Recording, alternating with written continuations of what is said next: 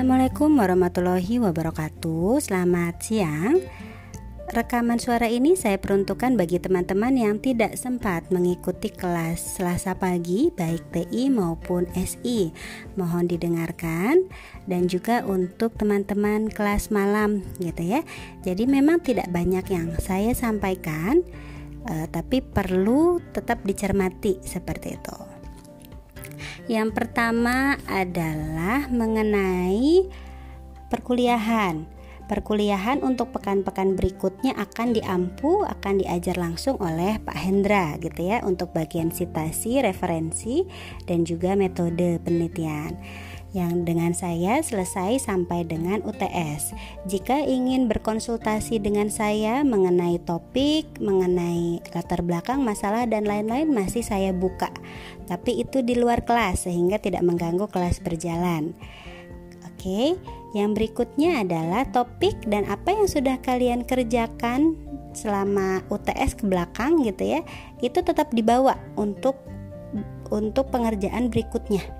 Jadi nanti kalian akan mengisi bab 2 akan mengisi bab 3 proposal penelitian. Nah, bab satunya sudah kalian selesaikan kemarin jadi tidak perlu bikin yang baru lagi. Jadi bawalah tugas-tugas sebelumnya untuk pengerjaan berikutnya.